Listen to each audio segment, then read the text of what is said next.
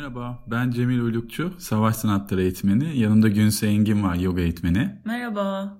Biz kendi aramızda günlük yaptığımız sohbetlerden esinlenerek bir podcast yayını yapalım istedik. İnsanlarla da bunu paylaşmanın keyifli olacağını düşündük. Bu podcastlerde kendi ilgi alanlarımızdan, e, eğitmeni olduğumuz alanlardan ve onun dışında doğu felsefeleri ağırlıklı farklı konularda konuşmayı düşünüyoruz. Ve bu sohbet yayınlarının adı Farkındalık Arası. Evet, farkındalık arası ismini koymamızın nedeni de bir ara vermek için. Bu günlük hayatın koşuşturmasında bir ara vermek gerekiyor farkındalığı deneyimlemek için e, ve geliştirmek için. Biz de bu sohbetleri insanların farkındalığını geliştirmeye yönelik gerçekleştirmeyi düşünüyoruz. Yani hem felsefi sohbetler gibi olacak hem e, bilimsel e, verileri size anlatacağız. Kendi araştırmalarımızda rastladığımız. Hem de okuduğumuz bazı kaynaklardan, hocalardan, bilgelerden şeyler, bilgiler sunacağız size. Tabii ki buradaki e, bütün konuşmaları mutlak gerçek olarak almayın. Hepsi tartışmaya açık. Zaten biz de Cemil'le aramızda sürekli e, karşıt görüş de oluşturup tartışıyor da olacağız aynı zamanda. E, umarım keyif alırsınız. Peki şöyle başlayalım. Doğu ve Batı düşünce yapılarında, felsefelerinde farkındalığın farklı tanımlamaları var. Nereden başlamak lazım farkındalığı tanımlarken? Yani bence en basit tanımıyla başlamak gerekiyor. Farkındalık herkesin anlayabileceği şekilde ve herkesin zaten deneyimlediği şekilde basitçe bir şeye dikkatini vermek demek. Farkında olma hali. Evet, bir şeyin farkında olmak demek. Ancak şu anda e, son e, birkaç senedir çok popüler olan bir kelimeyle tanımlanıyor farkındalık. E, mindfulness kelimesiyle. Farkındalık kelimesi daha geniş bir anlamıyla anlatılmak isteniyor mindfulness'ta. Daha yargısız ve açık bir farkındalıktan bahsediyor. Antik Pali dilinden gelen sati kelimesinin bir tercümesi aslında. Sati, sati nasıl okunuyor pek bilmiyorum. Bu Budist metinlerinin de çoğu Pali dilinde yazılmış. Ve Buda'nın öğretisindeki farkındalık kavramını anlatan sözcük olan bu sati İngilizce mindfulness olarak çevrilmiş, tercüme edilmiş. Sadece farkındalık değil, farkındalık tanımından daha geniş bir anlamı var. Bu da nazik, açık ve tümüyle yargısız bir farkındalık haliyle anda olabilmek aslında. Yani anda olma hali. Yani evet. ileride zihninin çünkü zihin bunu çok yapıyor ya zihin anda olmayı sevmez diyorlar. Hı hı. Yani zihin sürekli bir drama üreterek daha doğrusu ego bir drama hikaye üreterek hı hı. hep farklı zamanlarda gezinmeyi ama burada olun, bulunmamayı istiyor. Evet sürekli geçmişe veya geleceğe gidiyor. Yani evet orayla ilgili olmuyor. ya gelecekle ilgili kaygı ya geçmişle ilgili üzüntü Hı-hı. bir acı çekmeye evet. odaklı olduğu için. Evet mesela şeyde Godfrey Devereaux'un bir konuşmasına gitmiştim. O da çok ünlü, çok iyi bir deneyimli bir yoga hocası. O mindfulness kelimesini şöyle anlatmıştı. Sadece anda olmak demek çok yüzeysel kalır demişti. Hı hı. Ancak anın derinine inmek diye bir tanımdan bahsetti. Yani anı hissetmek. Hı hı. Anda olma deneyimini hep hatırlamak aslında. Neyle hissediyorsun anı peki? Bedenle. Evet yani. Beden farkındalığıyla aslında başlayıp evet. zihne gidiyor. Çok çünkü zihin kurgu yapıyor ya az Hı-hı. önce bahsettiğimiz gibi. Sessizliği de sevmiyor mesela zihin. Hı-hı. Eckhart da ondan bahsediyor. Zihin hep ardı arkası düşünmeyi seviyor. Bir gürültüyü seviyor. Gözümüzü kapattığımız zaman zihin asla hiçbir zaman susmuyor. Yattığımız zaman susmuyor, uyandığımızda susmuyor. Zihni evet. durdurmak değil tabii ki ama şöyle bir şey mümkün değil.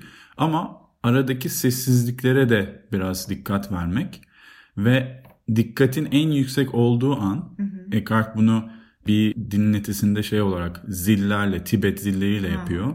Rezonansın en düşük olduğu yer dikkatin en yüksek olduğu yer diyor. Çünkü daha hmm. sessiz, ses seviyesi azalıyor. Dikkatin oraya daha çok odaklanıyor.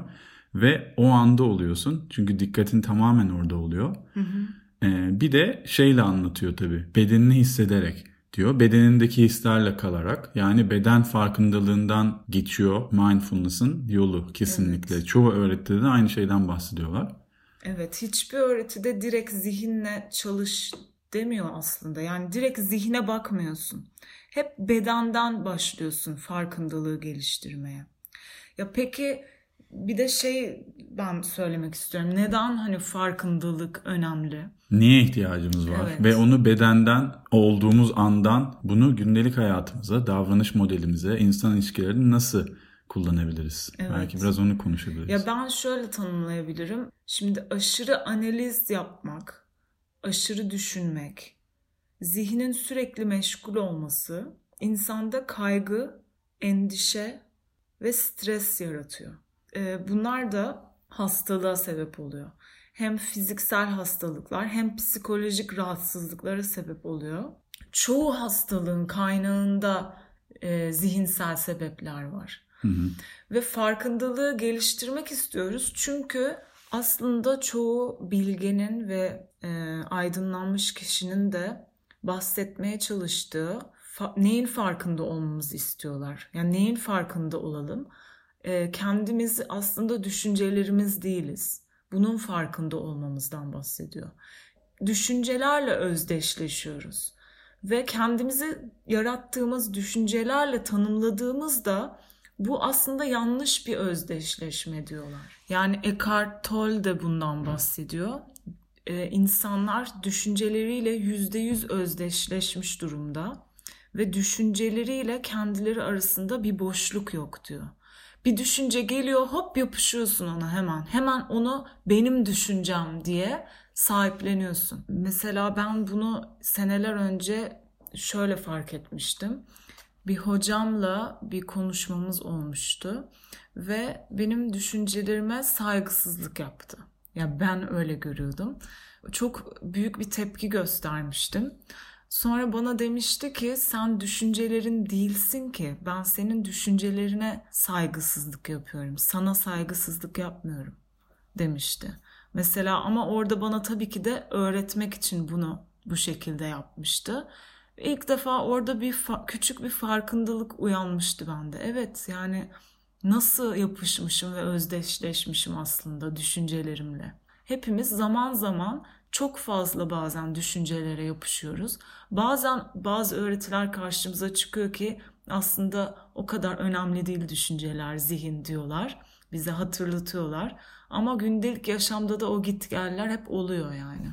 Bence bizim burada şunu da hatırlatmamız gerekiyor bir pratik zihinden bahsediyorlar, bir de egoik zihinden bahsediyorlar. Yani zihin kötü, zihin gerekmiyor falan değil. E, pratik zihin gerekiyor günlük yaşamda. İşte işlem yapmak için, e, günlük hayattaki ihtiyaçlarını karşılamak için, hesaplama yapmak için vesaire, konuşmak için, okumak için bunlar pratik zihin diyorlar. Zihni araç olarak kullanmak. Evet zihin yani bir araç. Zihnin kontrolü, zihnin kölesi olmak değil, zihni araç olarak kullanıp, gerektiğinde kullanıp, evet. gerekmediğinde Aynen ana geri dönmek. Aynen Çünkü öyle. geçmişte bir şeyi tabii ki hatırlamak, yani geçmişte olma demek, anılarını sil, dün olanı hatırlama, insanları unut falan veya ileriyle ilgili hiçbir plan yapma demek anlaşılıyor. O değil tabii ki. Evet. Yani ileriyle ilgili tabii plan yapacaksın ama o zihni ileriyle ilgili plan yapmak için araç olarak kullanacaksın ve yine ana döneceksin. Evet. Ve o egoik zihin dedikleri şey de zihnin o bir olayla ilgili bir işte fikirle ilgili herhangi bir şeyle ilgili sürekli bir düşünce üretmesi, yargı üretmesi. Kendi daha önce öğrendiğin kalıplardan sürekli bir yargı oluşuyor. Kendini yargılıyorsun, karşındakini yargılıyorsun, fikirler yürütüyorsun. Analiz sürekli ediyorsun. yorum, aynen analiz içinde oluyorsun. Ve bu aslında e, yanlış özdeşleşme dedikleri şey. Bu arada mindfulness kelimesi bilinçli farkındalık olarak da geçiyor. Ve bilinç ne, farkındalık ne falan diye böyle bu kavramlarda kafa karışıyor tabii ki. Yani çok kavramsal da konuşuyoruz bir yandan. Ayaklarımız yere bassın istiyorum. O yüzden e, bazı bilgelerin örneklerinden de vermek istiyorum. E, mesela Joseph Campbell diye bir e, adam var. Bu mitolog. Efsane. Evet müthiş bir adam ve videolarını YouTube'da izleyebilirsiniz. Konuşma videolarını. Ayrıca kitapları da var. Joseph Campbell çok güzel anlatıyor insan psişesini ve bütün mitolojileri bir araya getirerek hepsinin o arasındaki o ortak noktayı hepsi aslında bir insanın bilinç evrimini anlattığını e, vurguluyor, ortaya çıkarıyor. Ve mesela onun bilinç tanımını ben çok seviyorum. O şöyle tanımlıyor bilinci. Diyor ki yaşadığım yerde bir Hindistan cevizi var ve çok büyük bir Hindistan cevizi ağacı var ve çok büyük bir gölgesi var o ağacın. Ve ben onu izliyorum. Ta ağacın altından bir tane üzüm sarmaşığı çıkıyor diyor. Ve gölgede ışığı güneşi görmüyor. Ve o üzüm sarmaşığı büyüyor büyüyor ve baktım ki ona güneşin olduğu tarafa doğru çiçek açmış. Ve diyor ki işte bu bilincin bir formu. Çok güzel bir tanım bence.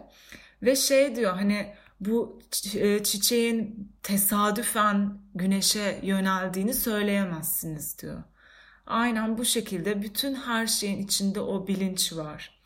Veya şey diyor işte bir yemek yediğinizde bağırsaklarınız o yemeği ne yapacağını bilir. İşte bu bilinçtir diyor. Yani belki... Bedenin zekası. Evet bedenin Ya da bilincin bilgeliği. kendini beden aracılığıyla ifade etmesi. Hepsi bilinç. Biz insanlar da dünyanın bilinciyiz. İşte biz dünyayız ve gözlerimiz dünyanın gözleri, seslerimiz dünyanın sesleri diyor. Bu da çok güzel, evet. hoşuma giden bir tanım. Ve yani aslında bütün e, aydınlanmış kişiler de bunu vurgulamak istiyor. Senin o değişen düşüncelerinin ötesinde değişmeyen bir şey var. O da o gözlemleyen. Sürekli dışarıdan bir de o düşünceleri, o hareketi gözlemleyen bir şey daha var diyor. İşte o bilinç diyorlar.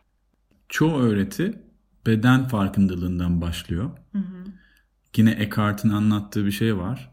Diyor ki genelde be- bedenimizden ve beden farkındalığından o kadar uzaklaştık ki e, yukarıdan bakıyor ve benim bedenim var diyor. Ama aslında beden sensin ha. ve bedeninle bağlantı kurduğun zaman düşüncelerinle de bedenin arasına veya sen arasına space'ler, boşluklar getirebiliyorsun diyor. Hmm. Ve onunla ilgili egzersizler falan veriyor. Yaptığımız, eğitmen olduğumuz branşlarda da aslında ortak taraf bu belki. Evet. Beden farkındalığından geçerek bir farkındalık oluşturmak. Kesinlikle. Yogada da öyle. Önce... Meditasyon öncelikle zaten öyle yapıyoruz. Yani bu mindfulness meditasyonunu şu anda uyguladığımız e, direkt bedendeki hisleri gözlemliyorsun. Nefesi ve bedendeki hisleri. Çünkü nefes ve beden seni şu anda tutan en somut referanslar. Zihin sürekli gidiyor.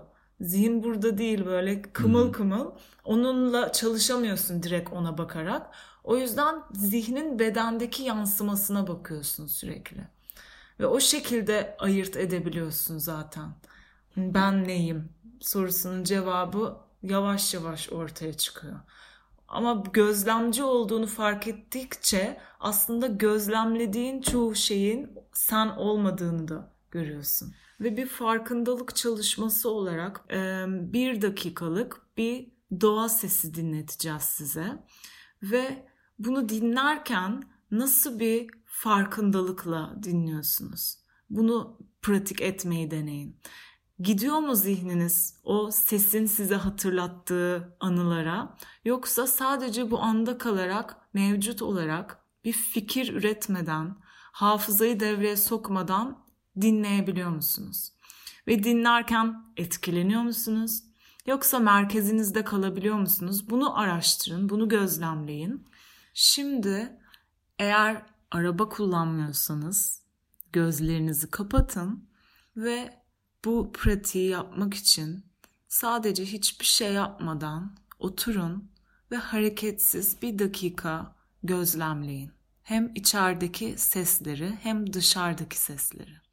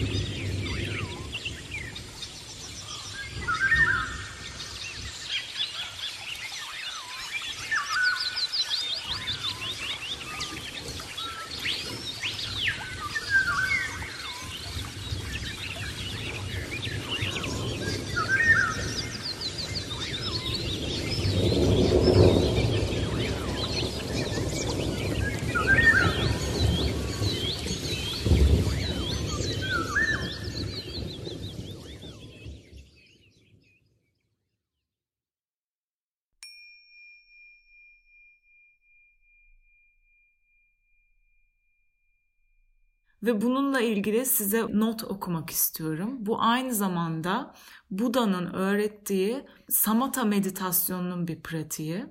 Aslında dışarıdaki sesle içerideki sesin hiçbir farkı yoktur. Hepsi dalgadır. Peki her sesin bizdeki yansıması neden farklıdır? Neden kuş sesi güzeldir ancak inşaat sesi kötüdür? Çünkü her birinin bizdeki anlamı farklıdır. Bunu fark etmek, etkilenmeden tüm seslere, yani aslında beş duyuyla algıladığın her şeye aynı mesafede kalmak, içeride bir etki oluşuyorsa da gözlemlemek, bu samatha meditasyonunun pratiklerinden bir tanesi. Savaş sanatlarında da mindfulness önemli bir yer tutuyor ve Kung Fu'nun doğduğu Shaolin manastırları biliyorsunuz kuzey ve güney Shaolin manastırları var ve o tapınaklardan çıkan, manastırlardan çıkan tüm branşların, savaş sanatları branşlarına Kung Fu deniyor. Hı hı. Ve Kung Fu'nun doğuşu e, Hindistan'dan misyoner olarak seyahat eden Chen Budizminin veya Japonya'da Zen kurucusu Bodhidharma tarafından gerçekleşiyor. Ve hı. Kung Fu'da beden farkındalığı aracılığıyla bu farkındalık, mindfulness geliştiriliyor. Hı hı. Bodhidharma ilk defa Shaolin manastırında monklara Hint kemposunu öğretiyor. Ve oradan Shaolin Kung Fu ortaya çıkıyor. Ve Chen Budizmi Japonya'da da Zen olarak geçiyor. Hı hı. Ve e, Zen pratiğinde de mindfulness aslında oturarak hiçbir şey yapmadan gözlemci olarak kalmak hı hı. olarak yansıma karşılık buluyor. Ve Batı'da buna mindfulness deniyor. Yani kökeni yine aynı coğrafyalar. Evet. Yani savaş sanatlarında önce başladığı zaman öğrenci bedensel şeyleri öğreniyor. Aynı yogada asanaları öğrendiği gibi öğrencilerin. Hı hı. Bu bedensel farkındalıktan bütünsel bir farkındalığa geçiyor. Yani yine yaptığı bedensel aktiviteyle anda oluyor. Çünkü gözlemci olabilme yeteneğini geliştiriyorsun zihnin. Yani zihni eğitiyorsun aslında.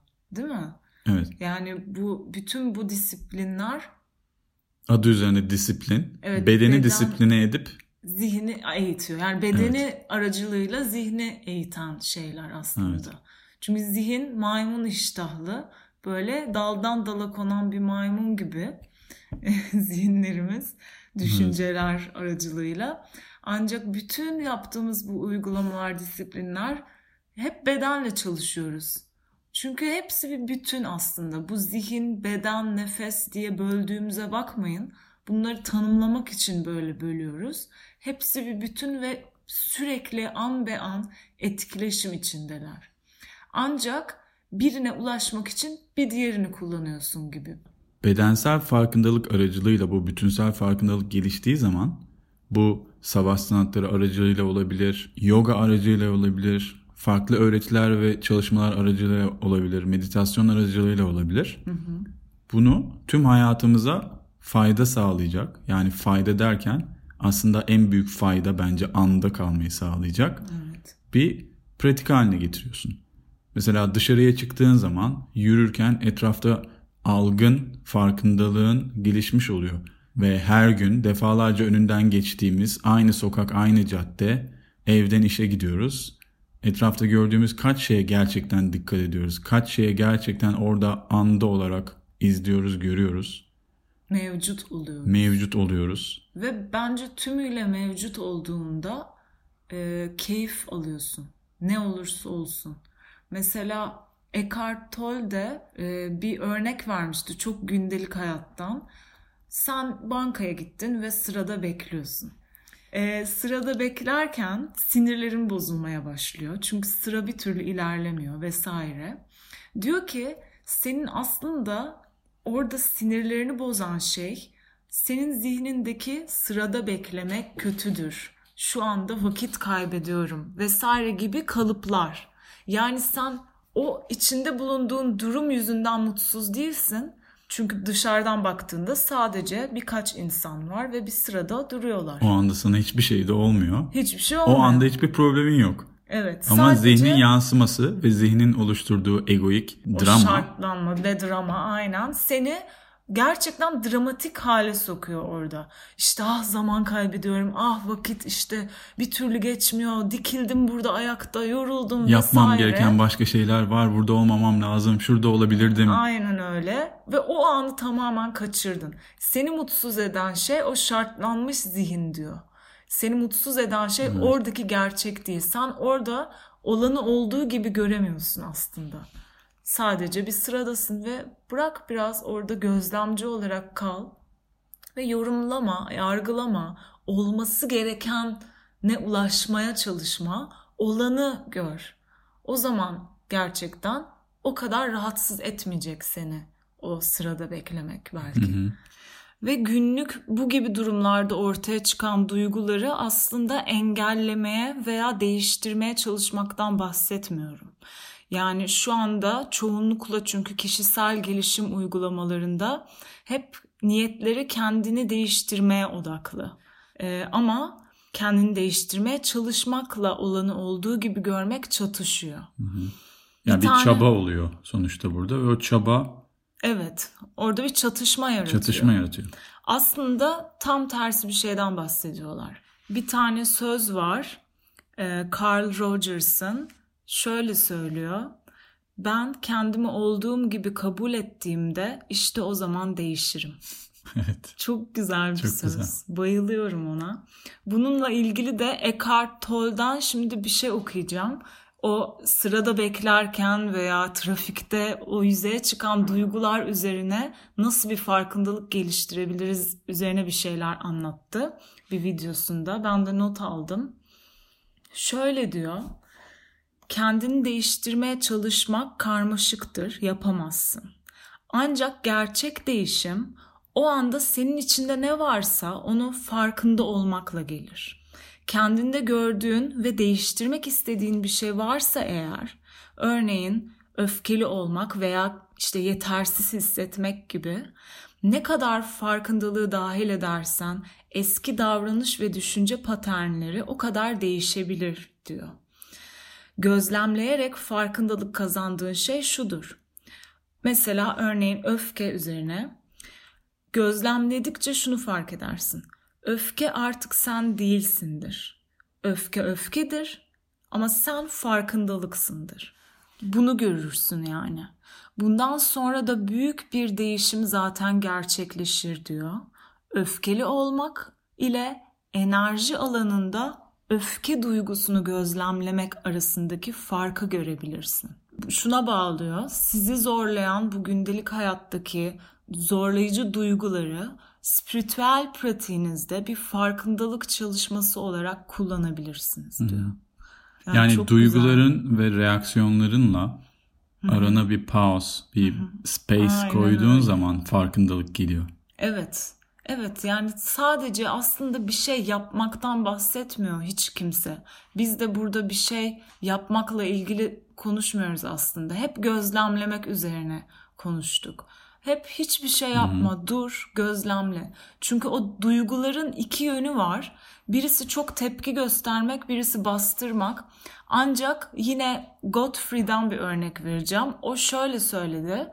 Eğer hiçbir şey yapmayıp sadece o duygu geldiğinde gözlemci olarak kalırsan, hissedersen o duygunun o iki uca gitme şansı da kalmaz diyor. Tümüyle hmm. o gelen öfke duygusunu, üzüntü duygusunu hisset bütün bedeninle, gözlemle. Ve gitmesine izin Evet ve çatışma, engellemeye çalışma, hmm. bastırmaya çalışma veya hemen kapılıp tepki göstermeye de gitme.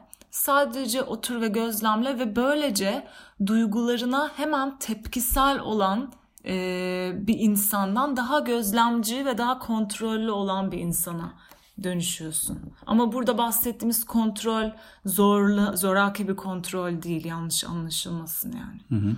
Yani aynı bu zen döngüsü gibi aslında.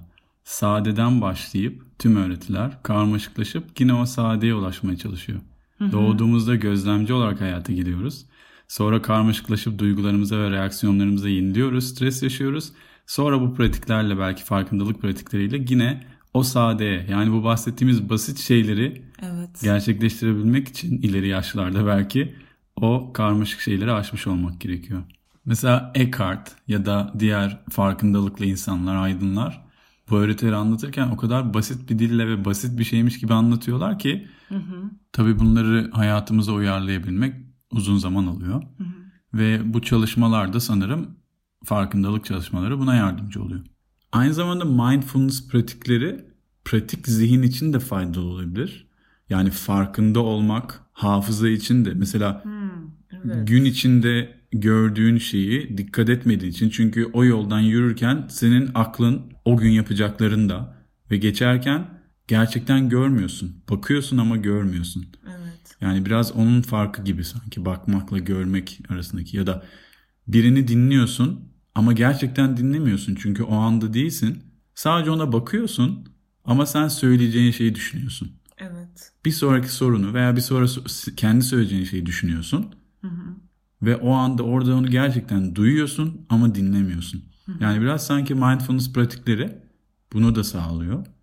Yani sadece mutlu olmak stres için değil de ikili ilişkilerde da gündelik ilişkilerde de buna yardımcı oluyor. Yani ne kadar kavramsal şeylerden konuşuyor gibi olsak da yani biz cevabının hepsini verebildiğimizden değil ama bunların faydaları aslında çok gündelik. Evet. Zaten bir şeyi günlük hayatta pratik edemeyeceksen, o bilgiyi kullanamayacaksan o bilgi sadece kavramsal olarak kalıyor ve anlayamıyorsun da. Hı-hı. Deneyimledikçe anlamaya başlıyorsun. Ha demek ki böyle bir şeyden bahsediyormuş falan gibi. Bir de Zen'de farkındalıkla ilgili şöyle bir şey vardır. Do one thing at a time. Hı-hı. Bir anda bir şeyle meşgul olmak. Yani Hı-hı. o az önce bahsettiğim birini dinlerken gerçekten o kişiyi dinle. Hı-hı. Veya bir iş yapıyorken gerçekten bütün hücrelerinle o işi yap. Yani bu seni aslında yaptığın işte de daha başarıya getirebilecek bir şey. Hani başarı ne tartışılır ama yaptığın işte de daha haz seni almaya başlıyorsun o işten. Hem o andan haz almaya hem de sonucun daha faydalı olmasını sağlayan şeyler. Evet. Ve tabii günümüzde multitask olma ve çok işlevsel olma daha iyi bir şeymiş gibi gösterildiği için artık aynı anda birini dinlemiyoruz. Çünkü birini dinlerken aynı zamanda text yazıyoruz. Hı hı. Veya işte bir şeyi yaparken diğeriyle aynı anda meşgul olmak çok gurur duyulası bir şey gibi. Ama kaçı onun farkındalıklı gerçekten? Kaçını gerçekten yapıyorsun? Evet. Yani bence bu zamanda bizi distract eden, dikkatimizi dağıtan gün içinde şehir hayatında o kadar çok şey var ki bu zorlaştığı için belki bu tip pratiklere ihtiyacımız var. Evet değil mi? Daha çok ihtiyacımız var. Ben mesela kendimden biliyorum o multitask olmayı. Böyle aynı anda bir sürü şey yapmak çok başarılıymış gibi geliyordu bana.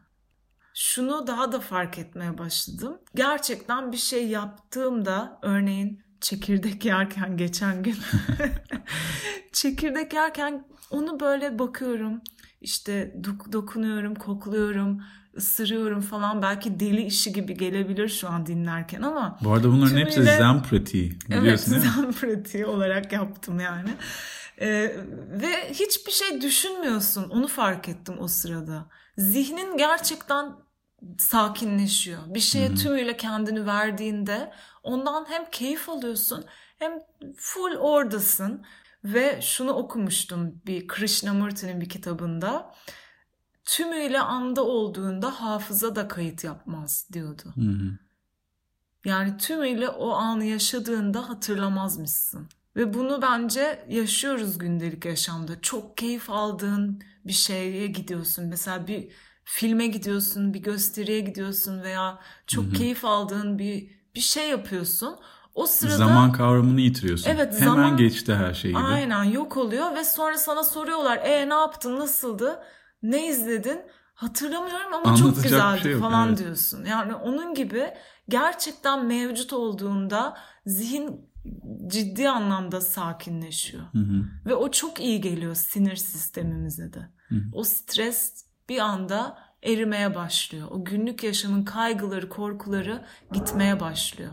Ve şunu söylüyorlar, bunu yaptıkça, bunu pratik ettikçe o kabiliyetin gelişmeye başlıyor. Anda kalabilme kabiliyetin gelişiyor. Hı hı. Ve bunu tüm hayatına, yaşamına uyarlamaya başlıyorsun artık. Evet. Yani sadece e, o pratik esnasında değil. Artık Hı-hı. bu senin bir parçan oluyor, doğalın oluyor. Tabii ilerleyen sohbet yayınlarımızda da bu farkındalık konusuna gireriz. Bu ilk bölümümüz olduğu için ve ismimiz olduğu için bugün konuşalım istedik. Bununla ilgili konuşulacak tabii ki saatlerce şey olabilir. Evet. Aklımıza gelmeyen veya bilmediğimiz bir sürü şey olabilir. Ve ilerleyen bölümlerin birinde de sinir sistemi, duygular ve savaş sanatlarında korkunun yeri ve onu nasıl kullanıyoruz. Ee, bunun üzerine de konuşacağız. Sohbetimizin son bölümünde ben e, Deng Ming Dao isimli yazarın 365 günün Taosu isimli kitabından bir okuma yapacağım.